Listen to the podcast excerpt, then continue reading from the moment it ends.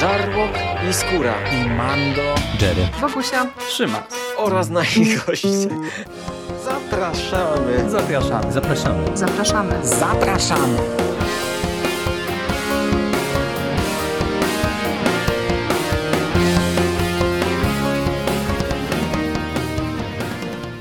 Cześć, z tej strony Michał Rakowicz, czyli Jerry i zapraszam Was na kolejny odcinek konglomeratu podcastowego, w którym tym razem zabieram się za film. Dawno solowo nie omawiałem żadnej filmowej produkcji, y, tym razem tak się trafiło, a to wszystko dlatego, że mm, obejrzałem e, w telewizji przez przypadek, e, to może dwa zdania o tym za chwilę, mm, film, który został kompletnie zmiażdżony w, we wszystkich podsumowaniach roku 2019. Film, który okazał się potężnym rozczarowaniem, potężną wtopą finansową e, i film, który no, jednocześnie wydaje się mm, pogrzebał tak naprawdę na kolejne lata potencjalnie potencjalne ekranizacje, kontynuacje tej marki, przynajmniej na tym rynku filmowym.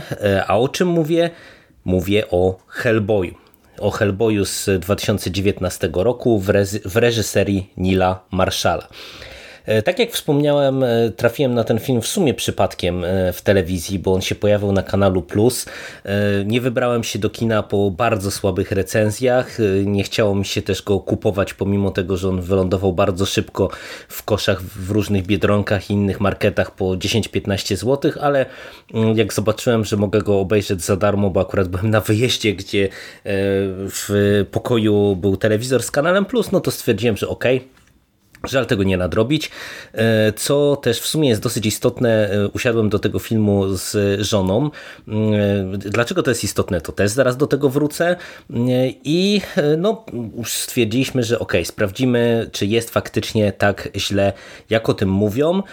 Czy może jest tak, jak też zaczęły do mnie po premierze głosy docierać, że to jest tak naprawdę całkiem solidne, rozrywkowe kino. Jak ty, jakim filmem okazał się Hellboy? Już Wam opowiadam. E, to jest faktycznie dosyć e, dziwny twór. I można powiedzieć, że już sama historia powstania tego filmu to jest materiał na e, pewnie osobne nagranie, dlatego że mm, w zasadzie od 2008 roku, kiedy to otrzymaliśmy Hellboya 2 Złotą Armię spod ręki Del Toro, mm, co jakiś czas powracał temat kontynuacji, ale z racji na to, że ostatecznie Del Toro mm, no, z jakichś tam względów nie był brany e, pod uwagę jako reżyser, jako twórca kontynuacji, co utrąciło powrót potencjalny Rona Permana e, w roli Hellboya zdecydowano się e, pójść e, w zupełnie innym kierunku. E, te Hellboye del Toro to jest pewnie znowu materiał na osobny podcast.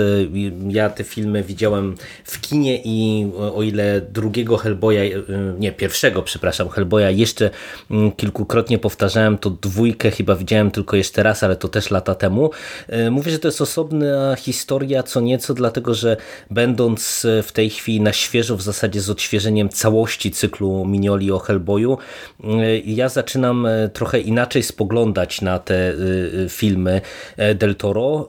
Nie, że gorzej, bo ja nadal je bardzo lubię, ale jestem w stanie zrozumieć, dlaczego część fanów Piekielnego Chłopca mogła być no, pewnymi rozwiązaniami rozczarowana, no, może to jest y, jakieś tam słowo to podsumowujące, rozczarowana przede wszystkim tym, że o ile jeszcze pierwszy Hellboy faktycznie wykorzystywał pewne motywy z komiksu, chociaż też już je dosyć mocno przetwarzając. O tyle Złota Armia już była dużo bardziej autonomicznym e, filmem e, z ręki Del Toro. No i Del Toro jest człowiekiem, który moim zdaniem świetnie czuł e, jakby esencję Hellboya, tą materię tego, o czym opowiada, jak opowiada i to działało, dlatego te filmy moim zdaniem były tak dobre.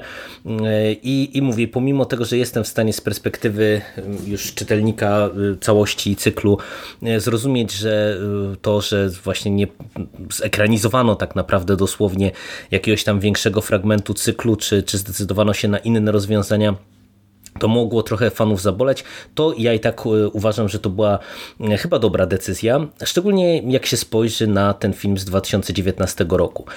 Kiedy ja dowiedziałem się, że zostanie reżyserem tego filmu Neil Marshall, byłem ostrożnie optymistyczny. Mówię, że ostrożnie optymistyczny, dlatego że ja bardzo lubię Dog Soldiers, a przynajmniej mam w głowie, że to jest świetny film. Mówię, że mam w głowie, dlatego że byłem na nim premierowo w kinie, wtedy mnie e, zachwycił na swój sposób, e, bo to było takie no, bardzo niskobudżetowe, ale e, krwawe, horrorowe filmidło, które wyjątkowo do mnie trafiło w tamtym czasie. Nie powtarzałem tego filmu, więc y, nie wiem, czy on jest tak dobry jak w mojej głowie i nie wiem, czy chcę to sprawdzać. Y, później zrealizował Neil Marshall y, Zejście, które też było bardzo dobrym horrorem i bardzo na mnie działało, szczególnie jako człowieka, który lubi filmy górskie, a pomimo, że jest to film tak naprawdę jaskiniowy, jakby go pewnie Skóra zakwalifikował, to i tak gdzieś tam się wpisuje w ten klimat i, i to naprawdę był świetny film.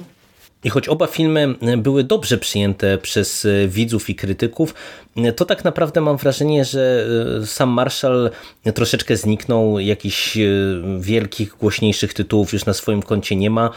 Przeniósł się do telewizji, gdzie pracował przy kilku głośnych serialach, bo pracował przy Black Sails, o czym nawet nie wiedziałem, czy nie pamiętałem, przy Konstantinie, przy Grze o Tron, nawet przy Hannibalu zdarzyło mu się pracować, tak także no, gdzieś tam e, funkcjonował jako, jako reżyser. E, no ale byłem ciekaw, jak e, twórca, który właśnie mi się kojarzył mimo wszystko z takim bardzo bezpośrednim, krwawym i brutalnym horrorem, podejdzie do Hellboya, który nie jest tego rodzaju właśnie no, filmem grozy, czy nie powinien być tego rodzaju filmem grozy.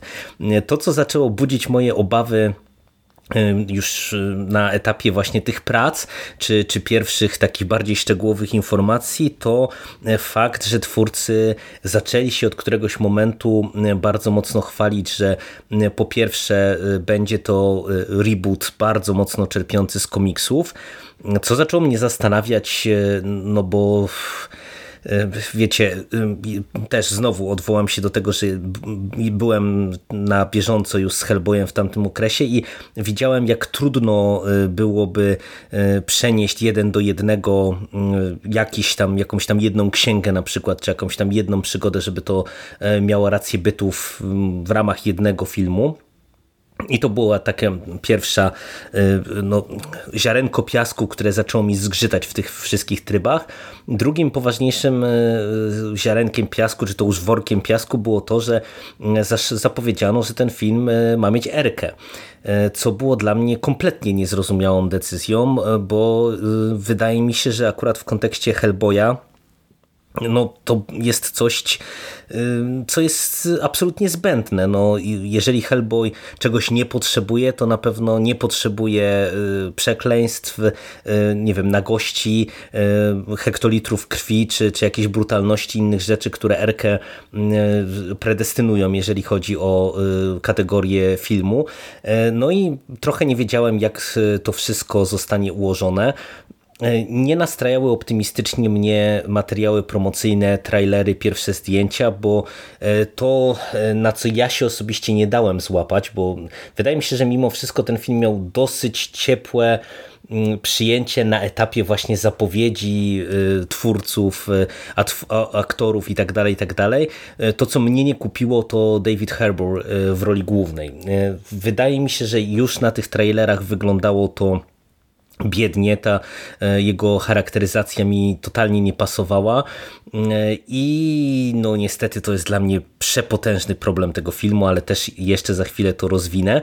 E, tak czy siak, no, te pierwsze materiały promocyjne już mnie osobiście zaczęły mocno gdzieś tam uwierać i zacząłem mieć podejrzenia, że to może się okazać jakaś tam klapa, czy jakaś tam, jakieś tam nieporozumienie no i kiedy film zawitał do kin, e, no spotkał się z w sumie dosyć miażdżącą krytyką i to jest naprawdę jedna z największych porażek finansowych e, pewnie 2019 roku, bo zgodnie e, z oficjalnym box office'em ten film nawet nie zwrócił się w kategoriach budżetowych, no a jak się weźmie pod uwagę właśnie te wszystkie dodatkowe nakłady na promocję i tak dalej, no to, to zaliczył pewnie dosyć sporą wtopę.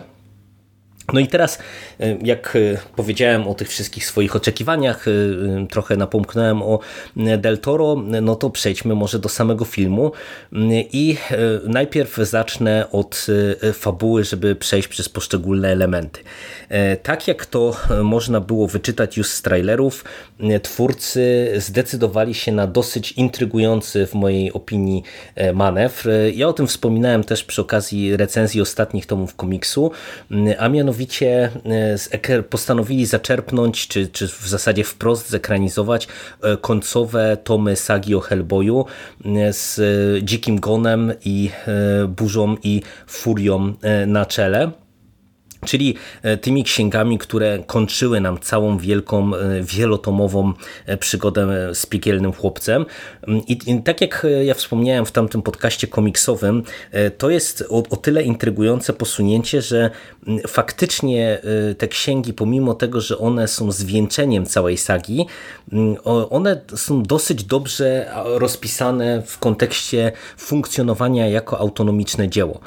Jasne, tu jeżeli ktoś nie czyta czytał wcześniejszych komiksów, czy nie zna e, wcześniejszych e, jakichś przygód Hellboya, no to bardzo dużo kontekstów różnego rodzaju smaczków mu ucieka, ale pomimo tego e, ta historia no, rozpętania się pewnej apokalipsy na Ziemi i skonfrontowania Hellboya z jego apokaliptycznym przeznaczeniem i, i tym wszystkim, do czego teoretycznie jego życie na Ziemi miało doprowadzić, no to można było czytać w zasadzie no, jako właśnie autonomiczny, taki no, e, trzytomowy e, cykl. E, no i byłem ciekaw, jak twórcy ogarną to w filmie. W filmie, który miał być rebootem, czyli miał też nam wprowadzać w pewien sposób postać Hellboya. No i faktycznie y, dostajemy całą masę wątków z tych trzech y, tomów komiksu. Y, dosyć wiernie niektóre są przeniesione, czyli mamy tutaj zmartwychwstanie wiedźmy Nimue, która kiedyś została zgładzona i teraz e, na skutek pewnych e, wydarzeń powraca na Ziemię, aby e, odzyskać Ziemię dla istot magicznych. Mm, no ale tak naprawdę jak zaczniemy schodzić już na te poziomy trochę niższe, to widać, że tutaj no jest bardzo dużo rzeczy tak naprawdę pozmienianych. I nie chodzi mi o to, że mm, jest dużo rzeczy wywalonych, skróconych, rozpisanych inaczej, no bo to było oczywiste. No film ma no niespełna dwie godziny, a to mówię, to były naprawdę trzy opasłe y, tomy, y, które no, serwowały nam bardzo, bardzo dużo różnego rodzaju opowieści po drodze. Logicznym było, że tutaj trzeba będzie iść na ustępstwa. Natomiast wydaje mi się, że twórcy całościowo e, mimo wszystko nie poradzili sobie właśnie z tym pomysłem, który mieli. E, wydaje mi się, że chcieli za dużo srok za ogon złapać, e, za dużo chcieli pokazać i tak naprawdę na tym ten cały film cierpi. Dlatego, że takie podejście do tematu powoduje, że dostajemy całe mnóstwo elementów, które warunkują nam gonitwę. Gonitwę przez całe dwie godziny tego filmu. E, rozpoczynamy już od razu w pierwszej sekwencji od nawiązania komiksowego do przygód Hellboya w Meksyku, e, dosyć popularnych e, komiksów dla fana komiksu e, to było dla mnie dosyć intrygujące, no bo nie spodziewałem się tego naprawdę, a tutaj dostajemy od razu e, tego rodzaju smaczek i w zasadzie nie mamy prawie, że takiego e, klasycznego originu. No, my poznajemy Hellboya już jako agenta Biura Badań Paranormalnych i Obrony, i tak naprawdę wszystkiego, co się dowiadujemy o jego przyjściu na Ziemię, o jego e, adopcji przez profesora e, Brutenholma w tej roli, e, zresztą nie, nie kto inny, tylko Ian McShane, ale o aktorach i aktorkach to jeszcze za chwilę więcej. Dowiadujemy się tak naprawdę w różnego rodzaju retrospekcjach i w toku tej całej gonitwy od punktu A do punktu B i tak naprawdę po wycieczce e, Hellboya do Meksyku e, szybko e, wracamy do kwatery głównej Biura Badań Paranormalnych i Obrony, gdzie Hellboy zostaje wezwany, bo jak się okazuje taki odpowiednik biura w Wielkiej Brytanii zaprosił Hellboya właśnie na ten tak zwany dziki gon, który ma zapolować na olbrzymy, które jakoby nagle wróciły do Wielkiej Brytanii.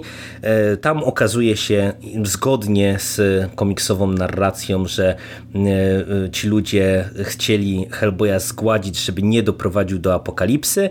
My stopniowo widzimy też w różnego rodzaju sekwencjach powrót Nimue na Ziemię i e, widzimy jak Nimue e, dowiadując się o e, istnieniu i funkcjonowaniu Hellboya w tym świecie mm, zaczyna mieć co do niego swoje pewne plany i zaczyna realizować krok po kroku swoją wizję apokalipsy i stąpienia na ziemię istot magicznych wszelkiego rodzaju. No i fabularnie dostajemy naprawdę y, taki no, rozgardiaż, bo tego jest po prostu za dużo. E, to się trochę ogląda jak y, mm, takie niepowiązane ze sobą sceny z gry komputerowej. E, to jest najbardziej widoczne w jednym segmencie z Babą Jagą. E, Baba Jaga w tych końcowych y, częściach komiksowej sagi, ona dostaje bardzo duży segment wespół z Kościejem i paroma innymi mm, istotami z folkloru e, tego słowiańskiego, e, rosyjskiego e, i to jest naprawdę bardzo istotny wątek w całej tej sadze. Tutaj wątek Babi Jagi to jest dosłownie kilka minut, taka sekwencja, nie wiem, 5-7 minutowa, która jest prawie niczym sekwencja snu, bo Hellboy stoi w jednym miejscu w biurze, nagle jakieś magiczne mambo jumbo ląduje w, domku, w domku Baby Jagi, Y, dzieją się rzeczy i powraca. No i niestety tego rodzaju potraktowanie właśnie wielu motywów, czy mm, to, że twórcy chcieli wykorzystać właśnie bardzo wiele elementów z komiksu, e, powoduje, że y, ten film jest strasznie niespójny z jednej strony i z drugiej strony właśnie cały czas za czymś gonimy. Tu jest po prostu akcja, akcja, akcja, akcja. No mówię, no zaczynamy od, y, od razu od sekwencji walki i tak naprawdę nie zwalniamy do mm, samego końca co z kolei e, nie dość, że e, warunkuje właśnie taki rozgardiaż i trochę powoduje, że ta fabuła no, no się nie klei, no bo ona z jednej strony jest dosyć prosta, Nimue chce się zemścić i doprowadzić do apokalipsy, z drugiej strony pewne rzeczy mam wrażenie, że właśnie jakby to zacząć rozkminiać, to, to jakby słabo do siebie pasują, czy słabo wynikają jedne z drugich i, i no, tak sobie jest to rozpisane. Ale e, ten e, taki pośpiech, czy ta chęć wrzucenia e, tak wielu rzeczy z komiksów przede wszystkim jakby skutkuje negatywnie, czy odbija się negatywnie na postaciach. To, co moim zdaniem było wielką zaletą filmów Del Toro i no przede wszystkim jest oczywiście wielką zaletą komiksów, to jest to, że Mignola E, i Del Toro również w swoich filmach e, stopniowo pozwalał się rozwijać tym postaciom. E, my widzieliśmy rozwój Hellboya, widzieliśmy, że on się zmaga ze swoją, swoim tym potencjalnym przeznaczeniem, ze swoim losem, który no, ma zwiastowany czy objawiony właśnie jako ta bestia apokalipsy.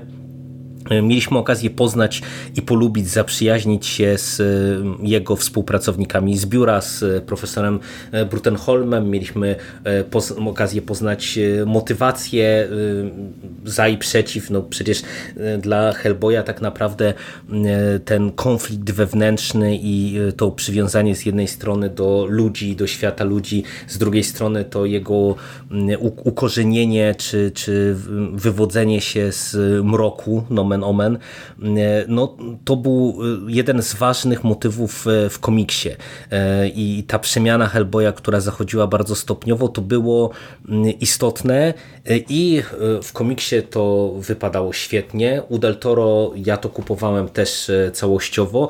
Tutaj tego po prostu nie ma.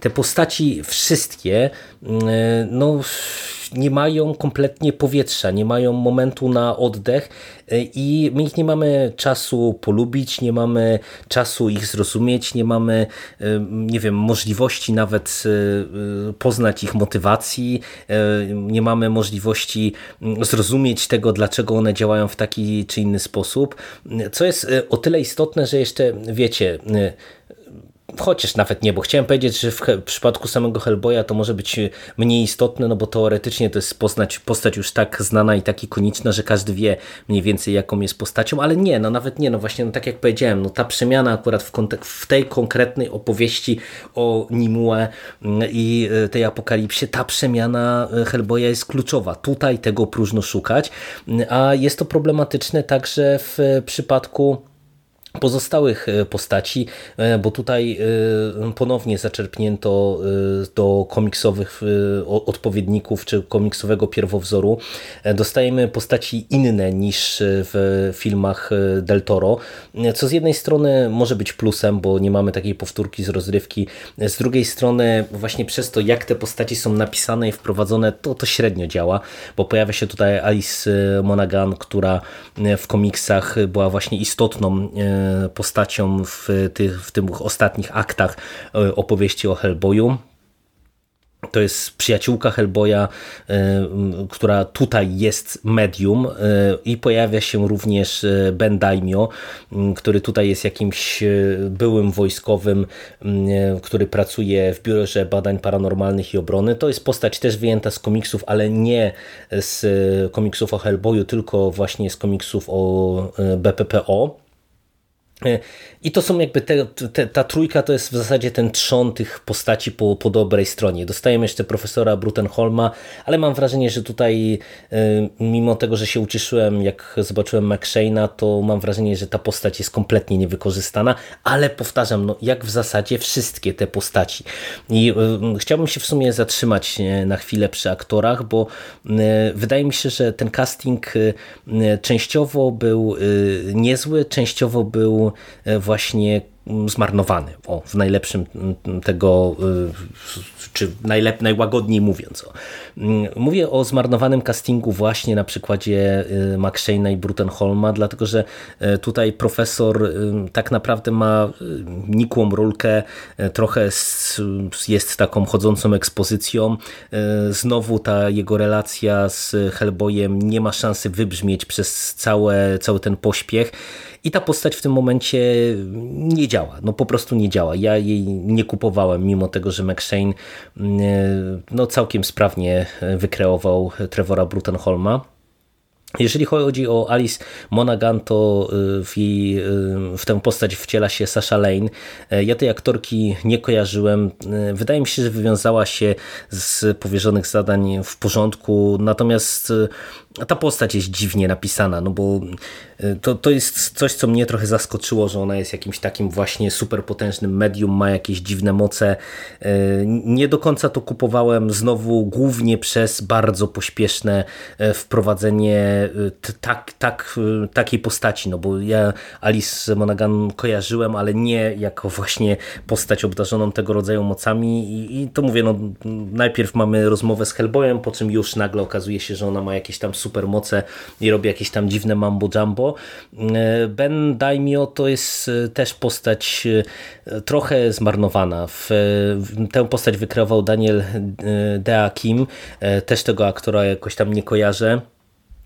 I w zasadzie no, mógłbym powtórzyć to, co przy Alice. No, jest postać, która no, jest, bo jest. No, został tak wprowadzony i tak poprowadzony, że mm, ja niespecjalnie jakoś kupiłem e, tutaj tego konkretnego bohatera i jakoś mnie nie zaintrygował, nie zainteresował. E, Hellboy, e, no bo obiecałem, że do tego wrócę. Dla mnie to jest porażka. Ja rozumiem, że za wyborem Danie, Davida Harbura no, stały być może chociażby aspekty takie stricte fizyczne, no bo jednak w przypadku Perlmana też tak trochę było. Ale tak jak przez lata, co mnie trochę zaskoczyło, jak pierwszy raz o tym się dowiedziałem, no, okazało się, że część fanów właśnie nie, nie lubi Permana w tej roli e, ze względu na e, nie, nie taki wygląd Hellboya, to e, mi się szalenie podobało to, co zrobił w swoich filmach Del Toro, no bo on tak naprawdę wykreował Hellboya, który był szalenie ludzki właśnie dzięki kreacji Perlmana i dzięki zastosowanej charakteryzacji. Tutaj, jeżeli chodzi o Davida Harbura, jest tak, że ta postać, czy ten aktor gra w zasadzie w jakiejś dziwacznej masce. Jeżeli sobie spojrzycie na plakat, y, no to Hellboy kompletnie nie przypomina aktora i tak to dokładnie wygląda w filmie. I y, o ile efekty specjalne były dla mnie czymś niesamowicie zaskakującym, paradoksalnie in plus w całym tym filmie, y, to uważam, że ja nie wiem, co tu się zadziało. Czy to była kwestia tego, że y, właśnie cała kasa poszła na efekty specjalne w filmie i już zabrakło pieniędzy na kreację odpowiednią dla całego wyglądu Hellboya, ale to wygląda moim zdaniem katastrofalnie źle. Nie dość, że ta postać nie ma praktycznie praktycznie wcale mimiki przez zastosowanie właśnie tej, tej maski, e, no to ona jest e, spisana moim zdaniem dziwnie głównie przez e, dosyć taki dziwaczny, pokraczny humor, co też jeszcze za chwilę rozwinę. Ale no, suma summarum e, Harbour, który pewnie robił co mógł, e, no niewiele mógł e, ugrać w tej masce i wypada ten Hellboy moim zdaniem fatalnie. Paradoksalnie, chociaż już na etapie castingu była to aktorka dosyć mocno obśmiana z tego co widziałem, najlepiej chyba mi się oglądało Mile Jowowicz w roli Nimue. Ona jakby pasowała, ten, czy ten casting pasował pasował do tej postaci. Ona jest, była w taki sposób napisana, że naprawdę e, ta specyficzna uroda Emilii Jowowicz e, tutaj e, grała, ona wypadała fajnie, wiarygodnie i to była w zasadzie chyba jedyna postać, którą ja kupiłem po całości, także przynajmniej można powiedzieć, że mamy ciekawą aktorkę, jeżeli chodzi o casting. No i właśnie tak wspomniałem o dwóch rzeczach, które jeszcze bym chciał poruszyć. E, jedną na minus, jedną na plus. E, na minus e, to jest kwestia humoru, bo oprócz brutalności, o której za chwilę, ja tak co, co i róż będę skakał trochę jeszcze po tematach, oprócz brutalności, która jest bardzo dyskusyjna, no to dostajemy tutaj bardzo dużo humoru i powiedziałbym, że to jest czarny humor, natomiast to jest w gruncie rzeczy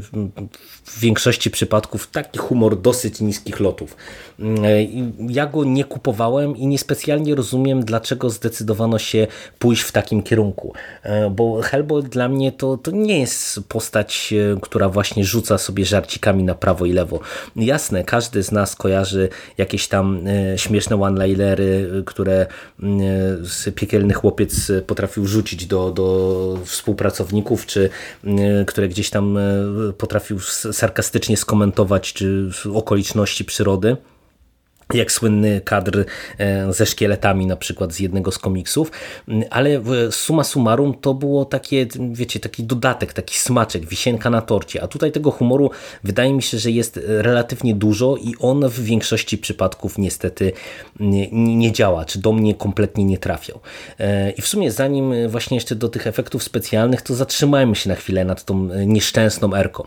E, mówię nieszczęsną, dlatego że ten film, no najbardziej e, chyba w przypadku właśnie tej erki e, pokazuje, jak bardzo twórcy mm, rozminęli się z materiałem źródłowym. Czy jak bardzo można e, z jednej strony teoretycznie czerpiąc jeden do jednego, czy czerpiąc wiernie z y, materiału źródłowego, jak bardzo można się rozminąć z ogólną wymową. E, no bo wiecie, tak jak wspomniałem, oni tutaj tych nawiązań komiksowych serwują bardzo dużo.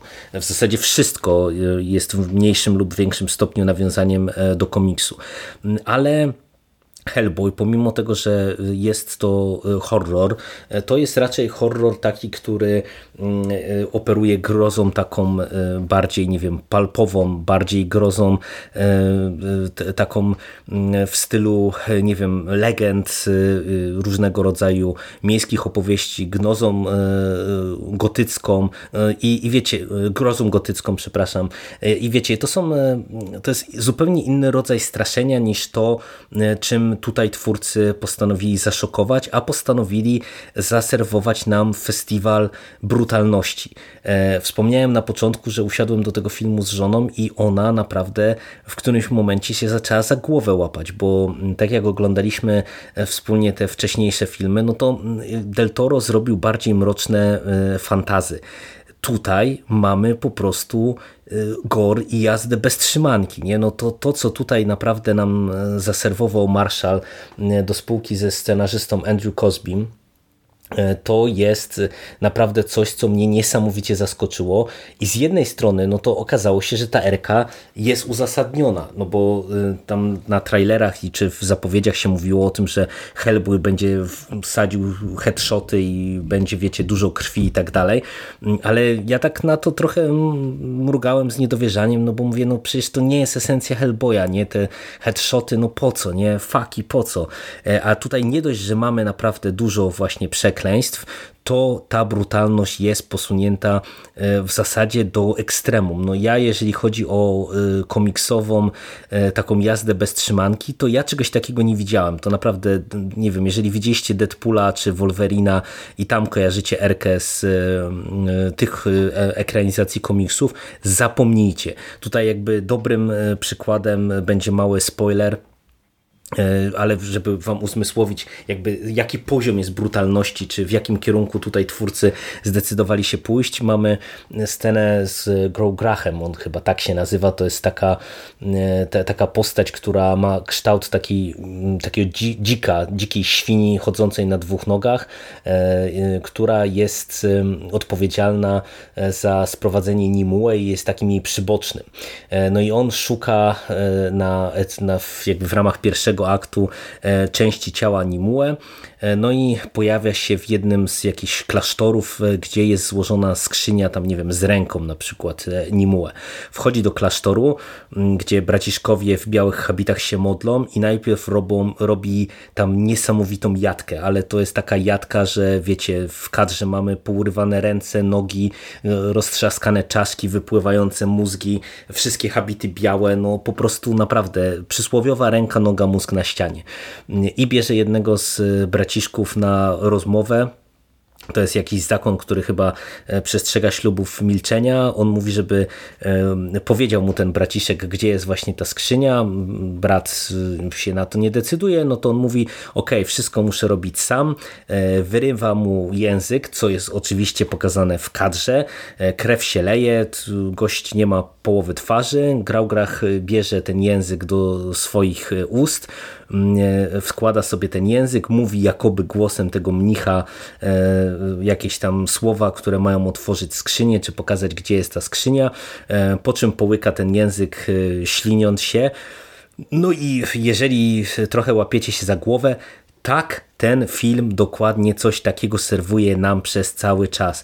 Tu mm, latające e, ręce, głowy, mózgi, krew, dziecięce rączki w gularzu, mm, dziecięce ciałka wiszące w domku Baby Jagi e, i tak dalej, i tak dalej, to jest norma. E, do tego zdecydowano się na bardzo horrorowy wygląd e, wielu potworów, więc pod tym kątem to zaskakująco działa, bo wiecie, jak ja już zaakceptowałem, że okej, okay, to będzie taki film i o to chodziło z Tomerką, no to ja zacząłem jakby się gdzieś tam tym bawić, no bo okej, okay, to jest kompletnie nie Hellboyowe, to mówię, tu się twórcy totalnie totalnie rozminęli moim zdaniem z wizją e, Minioli na tę postać, na tę opowieść i, i poszli zupełnie w inną stronę.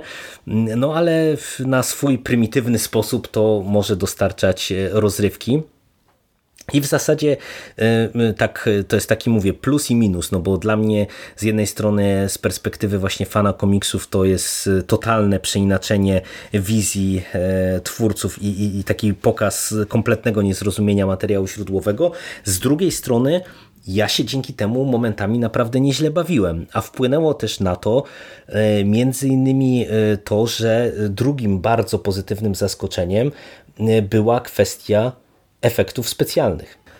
I tak, efekty specjalne były dla mnie bardzo dużym zaskoczeniem, tym bardziej, że jakoś do mnie nie dotarły y, żadne informacje w tym zakresie, a one są naprawdę świetne. E, no tutaj e, i pod kątem właśnie tej warstwy gor, e, te wszystkie urywane ręki, nie wiem, walki z potworami, miażdżenie olbrzymów i tak dalej, i tak dalej, to robi naprawdę bardzo dobre wrażenie, bo to jest świetnie od tej strony wizualnej poprowadzone. Nie wiem, Baba Jaga i cała sekwencja u Baby Jagi, to od początku, od pojawienia się domku na kurzej nóżce, który wygląda kapitalnie e, poprzez absolutnie upiorny i dziwaczny wygląd e, samej Baby Jagi, e, a, a skończywszy na całym jakby wyglądzie wnętrza domku, to wszystko wygląda świetnie.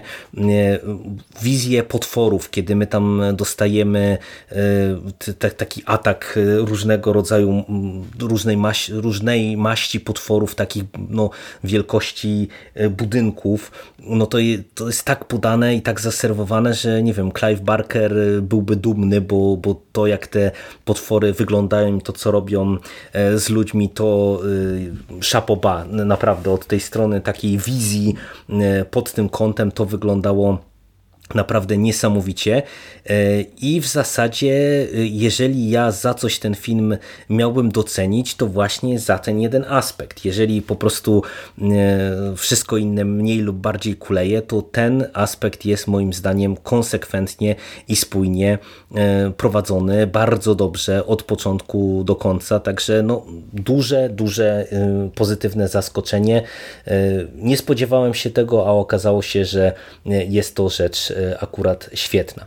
E, I na koniec, zanim jeszcze przejdę do podsumowania, e, kilka uwag jeszcze takich luźniejszych z rzeczy, które moim zdaniem przyczyniły się do tego, że ten film ogląda się bardzo tak sobie, muzyka fatalna, naprawdę. Je, je, wiecie, wielokrotnie już o tym wspominałem przy różnego rodzaju podcastach filmowych i serialowych ja nie lubię y, użycia muzyki na zasadzie greatest hits obecnej playlisty y, ala TVN, a niestety tutaj coś takiego dostajemy. Ta muzyka nijak nie pasuje do y, poszczególnych scen, do poszczególnych sekwencji.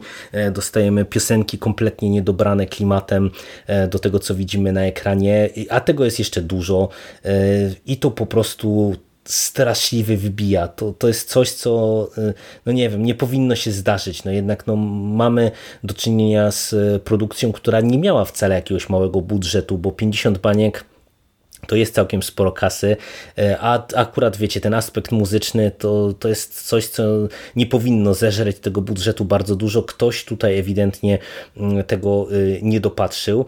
E, I e, z takich rzeczy luźniejszych, które mnie osobiście wybijały, to różnego rodzaju mniejsze lub większe dziury w scenariuszu, bo tak jak wspomniałem, no my tutaj biegniemy przez te poszczególne pokoje, poszczególne sekwencje i, i to się wszystko dosyć mocno rozłączy ale mnie osobiście bolało trochę to, że z jednej strony ja widziałem ile zaczerpnięto z komiksu, z drugiej strony widziałem ile tutaj jest dziur pozostawionych i też e, takim koronnym argumentem będzie znowu Baba Jaga, o której już mówiłem w podobnym kontekście nieco wcześniej, e, jak mamy przywołanie e, słynnego dealu Hellboya z Babą Jagą odnośnie jego oka. Ci, którzy mm, komiksy czytali będą kojarzyć, ci, którzy widzieli film też będą kojarzyć, chociaż nie doczekają się konkluzji tego wątku. I to jest właśnie dla mnie problem. I to jest właśnie też kolejne pokazanie tego, jak twórcy no, nie odrobili lekcji, jak się nie przyłożyli do tego, jak to wszystko jest rozpisane, bo e, to, to jest e, w sumie dosyć ważna rzecz, która się pojawia w filmie, która nie ma żadnego spuentowania. E, I takich rzeczy jest więcej. Takich, takich wiecie, drobnych niekonsekwencji, gdzie coś mamy rzucone, coś mamy powiedziane, że działa w określony sposób, po czym nagle mm, twórcy o czymś zapominają, idą w innym kierunku, już ta akcja ich porwała gdzieś, gdzieś dalej e, i tyle.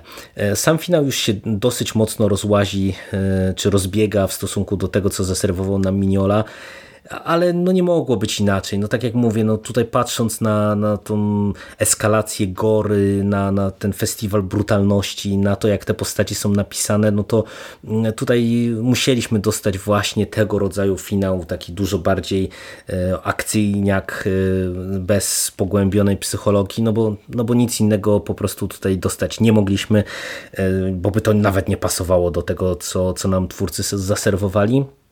Oczywiście na koniec dostajemy e, podprowadzenie pod sequel, którego, tak jak wspomniałem już na samym początku, myślę, że hmm, nie dostaniemy i możemy zapomnieć. E, I teraz tak, podsumowanie. E, czy warto Hellboya obejrzeć? Nie wiem, trochę nie wiem, bo tak naprawdę nie wiem dla kogo, do kogo był adresowany ten film. E, fani komiksu myślę, że będą rwać e, włosy z głowy i mm, znam kilka osób, e, które je kojarzę jako właśnie wielkich fanów serii i którzy nie zostawili na tym filmie suchej nitki, czyli dla fanów komiksu nie. Jeżeli lubiliście filmy Del Toro, również nie, bo to jest zupełnie inny film, rozkładający akcenty zupełnie inaczej, zupełnie inaczej poprowadzony. E, jeżeli e, lubicie ekranizacje komiksowe, można, ale z drugiej strony no, mamy dwa filmy Del Toro, więc lepiej pewnie sięgnąć po raz kolejny właśnie po nie tak naprawdę jedyna grupa widzów, która może czerpać z tego filmu fan, to jest y, pewnie taka grupa widzów, która y, będzie się potrafiła dobrze bawić na tym festiwalu gore y, i efektów specjalnych. No bo jeżeli potraktujemy Hellboya nie jako Hellboya, jako ekranizację, jako opowieść o postaci, którą gdzieś tam mniej lub bardziej kojarzymy, tylko jako taki właśnie horror akcji, których przecież w ostatnich latach też było e, całkiem dużo, to wydaje mi się, że to jest chyba jeden z filmów, który ten aspekt przez przypadek i jeszcze raz to powtórzę, w kompletnym, z kompletnym niezrozumieniem materiału źródłowego e, wykonuje całkiem nieźle, bo no mówię, mieliśmy sporo tych action horrorów e, w ostatnich latach i w zasadzie tam mniej lub bardziej to było niekompetentne i, i to się wykładało e, albo fabularnie, albo właśnie od strony efektów specjalnych, albo i tu i tu, a tutaj akurat ten jeden aspekt potrafi dostarczyć frajdy i, i naprawdę naprawdę nie wiem, czy takie spotkanie z Babą Jagą, czy walka z olbrzymami, czy parę innych sekwencji, no szczególnie, nie wiem, te właśnie z tymi wielkimi potwarami, to są takie rzeczy, które y, mi naprawdę dostarczyły takiego jakiegoś prymitywnego, pierwotnego fanu i gdzieś tam te sekwencje y, mi w głowie zostaną. Więc jeżeli będziecie mieli okazję zobaczyć na przykład tak jak ja w telewizji, bez y, wydawania na ten film kasy, albo jeżeli on dotrze w którymś momencie na Netflixa, to możecie sprawdzić, bo jako mówię, taki palpowy, niezobowiązujący action horrorek na wieczór e, Hellboy to może być całkiem paradoksalnie niezły e, pomysł. Dla wszystkich innych e, no nie polecam. No mówię, myślę, że, że po prostu jeżeli byście oczekiwali fajnej historii zajmującej ciekawych postaci, intrygującej opowieści, to nie tutaj.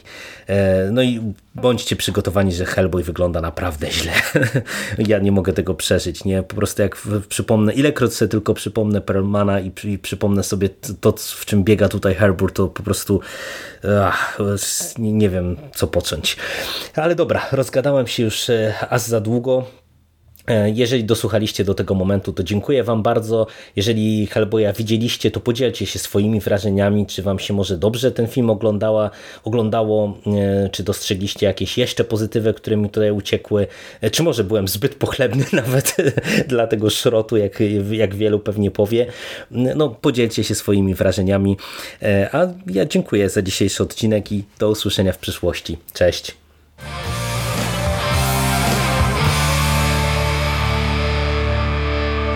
Finished? That's it, man. Game over, man. It's game over. What the fuck are we gonna do now? What are we gonna do?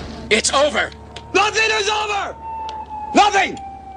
You just don't turn it off.